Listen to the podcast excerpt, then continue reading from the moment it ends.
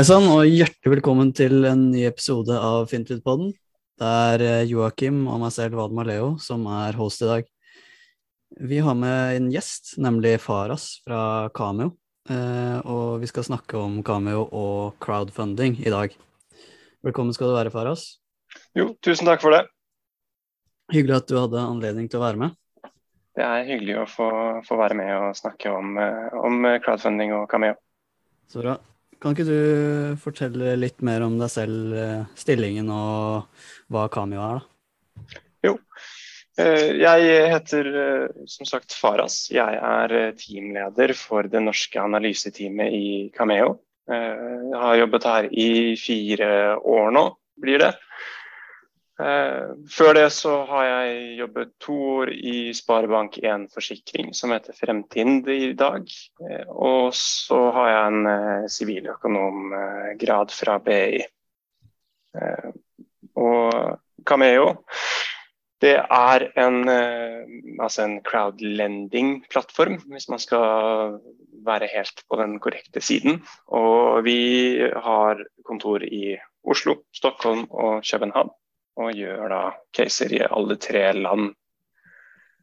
Eh, norske gründere, primært norske eiere. Den største aksjonæren i Cameo er ABG Sundal Collier, som er litt over en tredjedel, tror jeg. Ja, du kan jo fortelle litt kort hva crowdfunding går ut på? Ja, det er jo eh, flere varianter av crowdfunding. og Det som kanskje er mest kjente, er den eh, gode gamle at det er en eller annen sak som man tenker er kult og har lyst til å bidra med litt funding til. Eh, som er egentlig det som heter donasjonsbasert, at man bare gir bort. Og så har du hvor du går tidlig inn og investerer i et produkt. At ok, disse øreproppene her så kule ut, men de er under utvikling. Jeg gir noe penger til de i dag, og så får jeg det par av de øreproppene når de er klare. Uh, og det er på en måte de mest uh, altså de som har eksistert lengst, tror jeg. Og så har du aksjebasert, hvor man egentlig gjør emisjoner gjennom crowdfunding. Uh, og så har du det vi gjør som er lånebasert. Prinsipp, altså Grunnprinsippet for alle sammen er den samme, at man skal samle en masse av mennesker som går sammen og finansierer et eller annet sammen. Eh, og For vår del da så er det gjennom lån, sånn at det er en investering. Det er eh, noe du går inn i og forventer å få en avkastning, og du forventer å få pengene dine tilbake. Eh, som, som er det som skiller oss fra alle de andre. Da. At det er ikke noe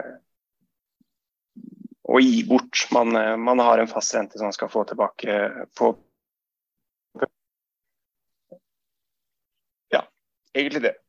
Men ja. uh, det er det det bygger på. da, at Vi har jo en uh, altså Det er en uh, mellom 200 og 1000 investorer som går inn i et enkelt case hos oss.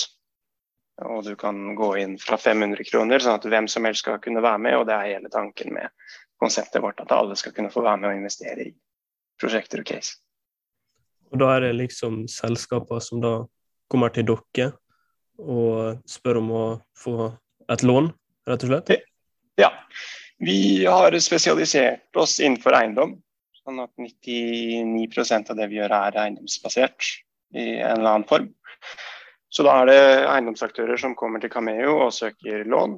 Eh, og det kan eh, Altså det varierer jo veldig på case. Det er alt fra kjøp av eiendom til bygging til mer en sånn driftskapital eh, som de søker. Og da er det vår jobb da å filtrere ut og presentere de gode for investorene. Ok, Men hva som skal liksom til for at et selskap får da sitt lån publisert på Cameo? For dere gjør vel noen slags kredittanalyse av noe slag? Mm. Om ikke tar feil? Vi, altså, jeg vil tippe mer enn ni av ti tilfeller eh, blir avslått. Sånn vi er veldig kresne på hva vi velger og hva vi går videre med. Sånn de aller fleste får avslag.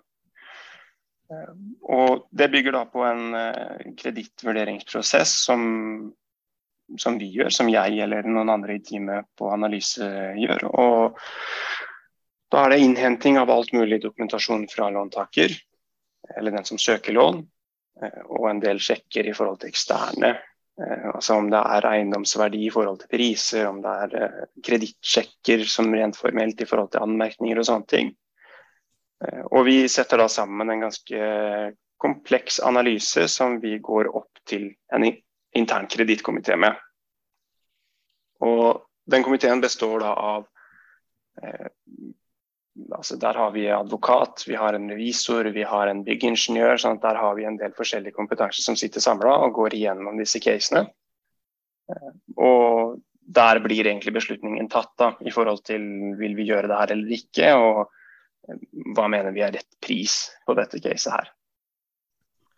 Men eh, sånn forholdet mellom risikoklasse og den forventede avkastningen, jeg har sett mm. at dere rangerer i risikoklasse A, B, C osv.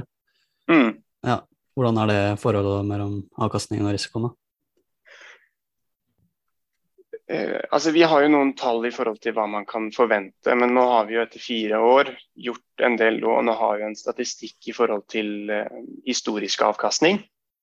Og vi har gitt ut rundt en 2,7 milliarder i lån siden vi begynte. Nå sa jeg fire år, men det er feil. Jeg har vært der i fire år, men Cameo har eksistert lenger. Men vi har gitt ut 2,7 milliarder i lån, og avkastning på det etter tap har vært 8,7 eh, Som er egentlig Vi har hatt veldig, veldig liten andel eh, mislighold. Det er 0,16 eh, tror jeg det ligger på av porteføljen. Eh, og Det er selvfølgelig ikke noe man skal eh, Det var hele den der disclaimeren med at historisk avkastning skal ikke, er ikke noe garanti for framtiden. Eh, men den modellen som vi går gjennom, det er egentlig fem variabler. Og så kan det være veldig hårfint på hva som blir et A-lån eller et B-lån. Det er små marginer. Det jeg vil si først, er jo at hvis dere har sett på vår plattform og de andre plattformene, så har alle en eller annen form for sånn, altså risikoklasser. Eh, men det som er greit å ha med, er at de risikoklassene er ikke like. Sånn at Vår modell er bygd av oss, og det samme er de andre sine. sånn at Det er ikke noe sånn felles standard for eh, hvordan vi priser og hvilke risikoklasser som er hva. Altså Det som er et C-lån hos oss, er ikke nødvendigvis det hos noen andre. Da. Det er greit mm. å ha med. Eh, men for vår del så er det fem ting, fem variabler som vi ser på. Og det første og kanskje viktigste, det er nøkkelpersonene. Altså, hvem er folka bak, hvem er det som skal drive det her, hvilke forutsetninger har de til å klare det. Eh, så ser vi på selskapet. Eh, hvor lang historikk har de, referanseprosjekter, økonomien og soliditeten i selskapene. Og Der kan du ha en sånn mismatch mellom nøkkelpersoner og selskap med at du har Eh, mennesker som er kjempedyktige og har lang erfaring, men at de har gått ut fra f.eks. et større eiendomsselskap og begynt for seg sjøl. Da har du dyktige mennesker, men et nytt selskap. Eh, så er det tredje punktet det er selve lånet. Og under det da kommer også sikkerheten i forhold til hvor høy belåningsgrad er det, hvor mye egenkapital er det. Eh, hvilke sikkerheter får investorene, om det er første eller andre prioritet. Det fjerde er selve prosjektet. Og Hvis du bruker et byggeprosjekt som eksempel, da, så er det f.eks. om du har noe forhåndssalg eller ikke. Om du har en total entreprise eller delt entreprise. Eh, er entreprenøren din igjen solid? Altså det som har med generelt prosjekt å gjøre. Og siste punktet det er eiendommen. Altså hvor ligger eiendommen, og eh, hvor attraktiv mener vi at den er. Eh, ut fra beliggenhet, størrelse, pris, regulering og så er det jo en sum av disse her, og inni der så er det jo noen soft values. Det er på en måte ikke alltid like enkelt å skille mellom eh, altså kompetansen hos to forskjellige personer. Eh, mens andre steder i forhold til giring og egenkapital og sånn, så er det jo ganske klart eh, mye enklere å skille imellom. Men det er en helhetlig vurdering som går inn i forhold til hva som blir et A-lån og et C-lån. Mm. Så kommer jo det store spørsmålet. Hvorfor skal selskapene nettopp ta lån eller søke lån hos Cameo istedenfor hos banken? Mm. Det er et veldig godt spørsmål, og det er todelt svar på. Det første er at det er sjelden vi konkurrerer med en bank Det som vi tilbyr, er en, altså et komplementært produkt. Så du har som regel en bank som har kanskje opptil 50-60% av belåningen. Og så har Cameo fra 60 til 75% At det er en annen type eksponering, en annen type risiko enn det banken nødvendigvis har lyst eller kan ta, som vi tar hos oss. Eh, så det er ikke nødvendigvis alltid sammenlignbart med det banklånet. De aller fleste av våre kunder har minimum én bank som de også bruker i tillegg til oss. Eh, og det andre er de gangene vi konkurrerer med en bank, så går det ofte på fleksibilitet. Det kan være at banken din f.eks. krever at ok, du får dette her til 5% men da krever vi at du har solgt tre av fire enheter på forhånd. Eh, og så kan man gjøre noen vurderinger i forhold til at ok, dette er attraktiv beliggenhet, gode priser, vi tror dette her blir solgt. Da kan du heller betale 8% til investorene hos Cameo, og så får du sette i gang uten det forhåndssalget. At man tar noen sånne valg, da i forhold til at det, Men det er veldig sjelden det er en dyrere pris på nøyaktig samme vilkår som det banken tilbyr. Skjønner. Du fortalte litt eh, introduksjonsvis om eh, at det var veldig lav grad av eh, mislighold på lån. Mm. Men eh, det er jo litt greit å på en måte vite hva som skjer om et lån blir misligholdt, og hva rettigheter man har som långiver. Der er det litt forskjell i forhold til regulering og lovverk i Norge, Sverige og Danmark. Men nå holder jeg meg bare til Norge, så får vi det ryddig. Eh, men i Norge så har vi en avtale med Intrum, det som var Lindorf, hvor de er agenter. Sånn at hvis et lån går i mislighold og noen ikke gjør opp for seg, så er det Intrum da som trer inn og representerer investorene og står for den innkrevingsprosessen. Så sånn rent praktisk så gjør egentlig Cameo veldig lite i den delen av saken. Men hvor mye de klarer å få inn, og hvor mye investorene får tilbake, eller eventuelt ikke får tilbake, det er jo avhengig av sikkerheten. Sånn at i et case hvor du har veldig veldig god og sterk sikkerhet, så kan det være at du får tilbake alt. Og det har vi hatt noen caser av. Ehm, sånn at Vi har hatt fire-fem tilfeller av lån som går i mislighold, men hvor sikkerheten har vært god nok til at investorene har fått tilbake alt.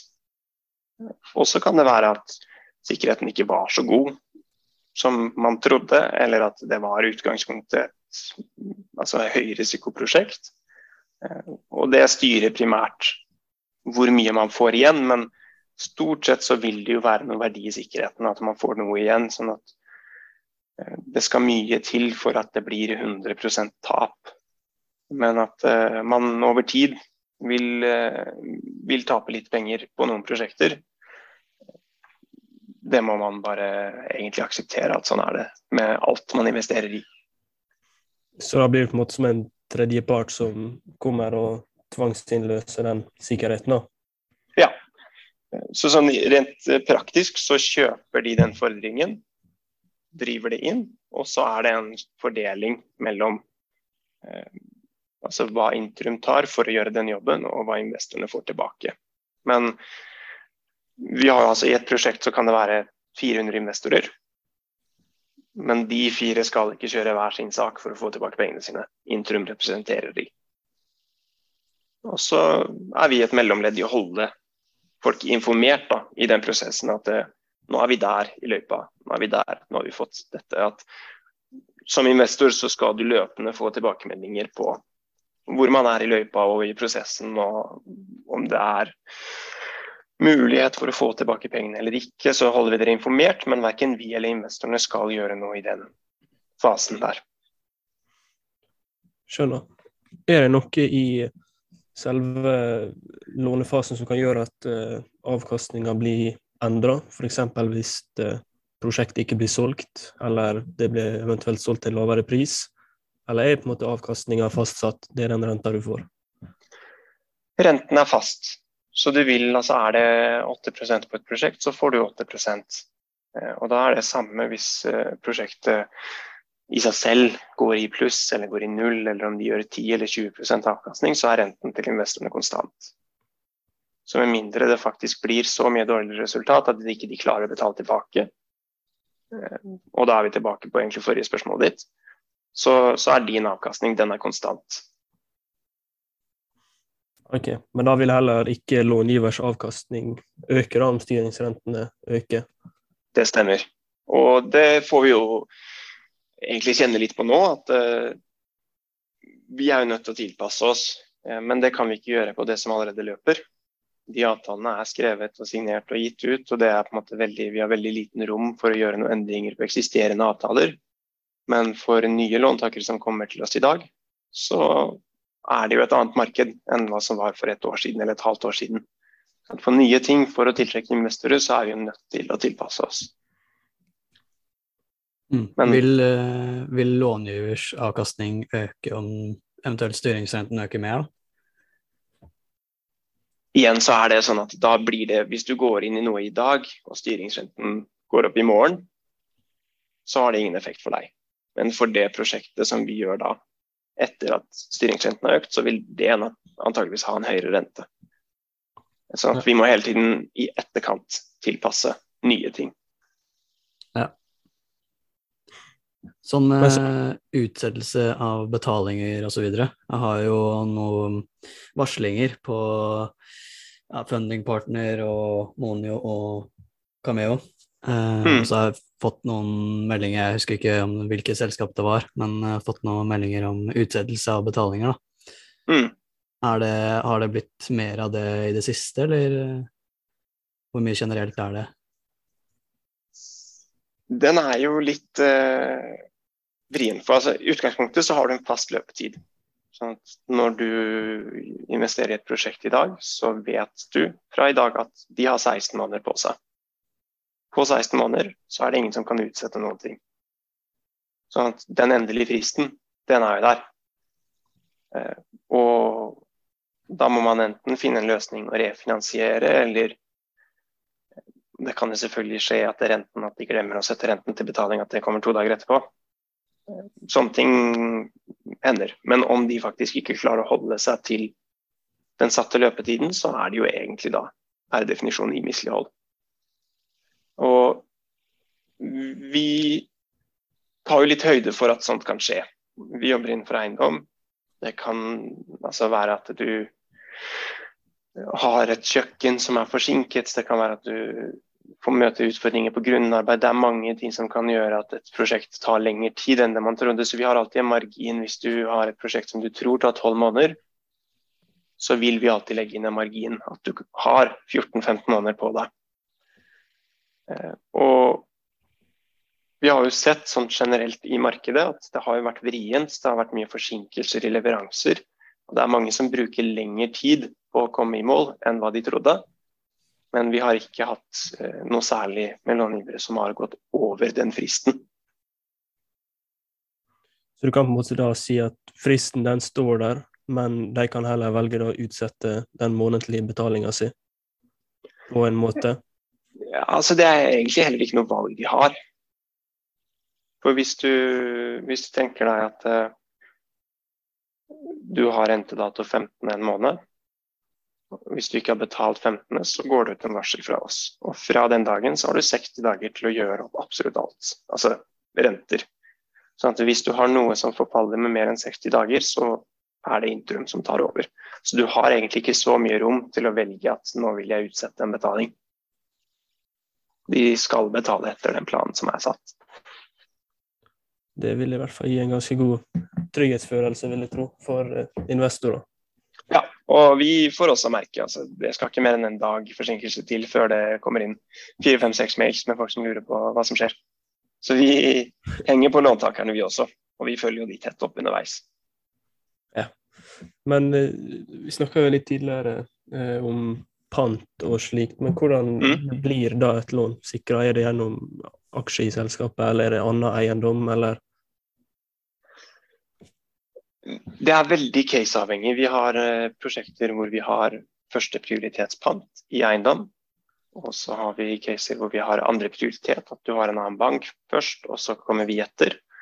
Og så har du noen caser hvor det er aksjepant. Og så har jo de eh, alle de utslag i rente- og risikoklasse. At selvfølgelig en førsteprioritetspant i eiendom er bedre enn aksjepant. Sånn helt isolert sett, hvis man ser bort fra alt annet. Men du vil alltid ha en sikkerhet vi har vel aldri gjort, og kommer aldri til å gjøre et usikra lån. sånn Det skal alltid være noe å ta tak i. Eh, og I mange tilfeller så tar vi også garantier og kausjoner, enten om det er fra et annet selskap over, eller om det er fra aksjonærene. At man legger til, sånn at vi prøver å pakke ting inn sånn at rente og risiko henger sammen i forhold til den sikkerheten du får som investor. Og den informasjonen har du jo alltid også case by case, at du kan se på plattformteksten og det altså prospektet, da, hva som er sikkerheten i, i et lån. Men det kan variere fra prosjekt til prosjekt. Det er ikke alltid vi kan få det pant i første prioritet. Men første prioritet betyr at dere har første prioritet på den eiendommen? Yes. Så hvis lånet går i mislighold, så betyr det at den som har første prioritet pant, er den første som får tilbake penger. For da begynner man å se på ok, hva kan vi selge unna her. Og da vil førsteprioriteten alltid ha fortrinnsrett at de får sine penger først. Hvis det er noe igjen, så får andre prioriteten sitt. Hvis det er noe igjen, så får de som har pant i aksjer eller andre ting, få sitt. At, uh, Førstepri pant i eiendom gir deg en veldig, eller generelt pant i eiendom gir deg en veldig sånn klar og tydelig eh, plass i den køen om når og hva du får tilbake.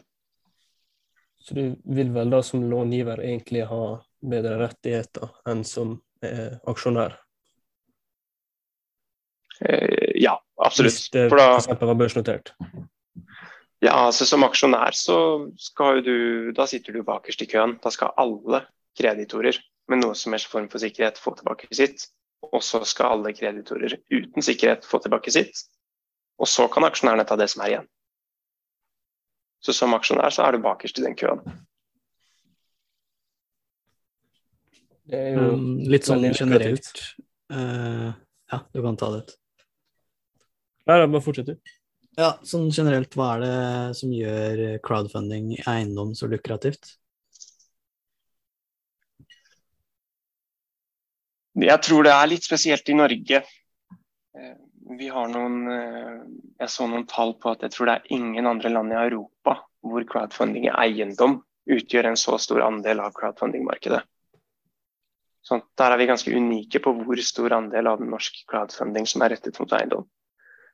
Og det tror jeg har ha litt å gjøre med at én, vi har hatt veldig bra og sterk utvikling i eiendomsmarkedet i veldig, veldig mange år. Og så tror jeg at i Norge så er det en større andel folk som eier sin egen eiendom. At alle har et forhold til eiendom. At hvis jeg presenterer et case for deg som har med oppføring av en tomannsbolig å gjøre, så er det lettere for deg å ta stilling til om det er et godt eller dårlig case sammenligna med et eller annet IT-selskap eller noe annet. At det er lettere for folk å på en måte alle har et eller annet forhold til eiendomsmarkedet og hvordan eiendom funker. Mm. Men hvis det blir en eh, nedgangsperiode da, i mm. boligmarkedet, eh, vil man kunne oppleve en økt grad av mislighold da, eller hvordan? Hva tenker du skjer da med crowdfunding-markedet? Nei, det er et, eh, altså det er et eh, vanskelig spørsmål. Og så er jeg litt på tynn is. Det er sikkert uh, mye bedre kvalifiserte og smartere folk enn meg som har bedre ting å si om det her. Men jeg tror jo at fallende eiendomspriser over en lengre periode i norsk marked, det er liten sannsynlighet for. Vi altså jeg, jeg, så på statistikk fra SSB på boligprisene i Norge, og det er jo veldig unyansert. og Det er liksom alt av boliger. Tilbake til 1992. Og selv i 2008 så falt prisene med 1% på landsbasis. Men ellers Og det er også veldig praktisk år å begynne med å føre statistikk, for rett før 92 så var det jo en en, eh, en kjipere tid, men siden det så har det stort sett bare vært oppgangstider i norsk eiendomsmarked. I hvert fall på prisutviklingssiden. Så jeg tror det skal veldig mye til for å ha en lengre periode med fallende priser. Men på den andre siden så har vi jo sett nå den siste tiden at priser på alt av materialer går opp. Rentene går opp. Det blir vanskeligere å bygge, det blir høyere krav. Og det gjør jo at altså Det påvirker likviditeten hos veldig mange aktører. At det kan være at du ikke har råd til å fullføre ting. At det er det som gjør at mange faller. At man uh, møter på høyere priser og høye kostnader enn det de hadde regna med, og enn det de har råd til å håndtere. Og så vil du få en uh, altså etterslepseffekt med at det er mange prosjekter som egentlig blir satt på vent. De blir satt på pause. For da sitter jeg og regner inn et prosjekt i dag som gir mening, men så ser vi nå de siste tre månedene så har det blitt kanskje 700 000 dyrere å bygge en tomannsbolig. Da kan det hende at marginen er ikke god nok for at jeg gidder å sette i gang det prosjektet. Eh, så det vil bli mange prosjekter, tror jeg, som blir satt på vent. At det blir lavere aktivitet i det markedet sånn generelt sett. Eh, og med mislighold og eventuelt aktører som ikke skulle klare seg og skulle falle fra, så tror jeg at eh, det vil gi mye større utslag i markedet enn bare crowdfunding. Men hvordan aktiviteten i lånemarkedet er nå, da, mot f.eks. tidligere i 2021 i et bullmarked? Opplever dere noe ting som er annerledes? Er det mindre aktivitet? Vi gjør egentlig ikke det. Det er en eh, Eller vi merker lavere aktivitet hos investorene. Folk er mindre interessert i å plassere pengene enn det de var for et år siden. Men på lånesiden så er det egentlig bra, eller det er en mulighet for aktører som oss. For når det er et sånt marked, så er det kanskje mange banker som strammer til. At de er nødt til å sikre seg mer, de er nødt til å ta mindre risiko. Og det gjør at det er mange flere som kanskje ikke får finansiering eller ikke får nok finansiering. Eh, og de kommer jo gjerne da til alternative aktører, sånn som oss. Så på lånesøknadssiden så har vi egentlig merket det motsatte, vi har merka oppgang. Og da blir det balansen å finne ut av altså, hvor mye investorkapasitet har man, og hvor mye prosjekter kan man ta. Det vi forresten eh, glemte å gå inn på, det er jo hvordan Cameo eh, tjener penger på dette? Eh, er det tjenestegebyr, eller? Vi tar en prosentandel av låntaker, altså som, de som søker lånet. Og så er det egentlig det. Vi tar betalt fra de som henter kapital. Så ikke fra investorer, da? Riktig. Rett og slett. Så da vil vel på en måte plattformen være veldig grei å bruke, da, med lite kostnader? Eller, det er ingen kostnader. Ja. Det, så for deg som investor, så er det Setter du inn 500 kroner, så er det investert 500 kroner. Og står det 8% rente, så får du 8% rente. Vi tar ingenting imellom der. Ja. Så der er det Jeg bare fortsett, du. Nei, altså, det er eh, Nå tror jeg vel at de fleste andre, om jeg får reklamere litt for oss, så tror jeg de fleste andre tar en kutt fra investorene også. Men eh, der er vi gratis for investorene. Ja, men det er kjekt å vite, da. Men da tenker jeg at vi er ferdige for nå, i hvert fall. Så får vi ta og gå i dybden kanskje i noe annet senere. Men uh, tusen hjertelig takk for at du tok deg tid til å bli med på vår podkast. Takk for at jeg fikk være med. Og så takk til dere som lytter, og så lyttes vi i neste episode. Denne episoden er sponset av Børsdata, et av Nordens største og desidert beste analyseverktøy. Bruk koden FINTVITPODDEN for gratis premium i to måneder.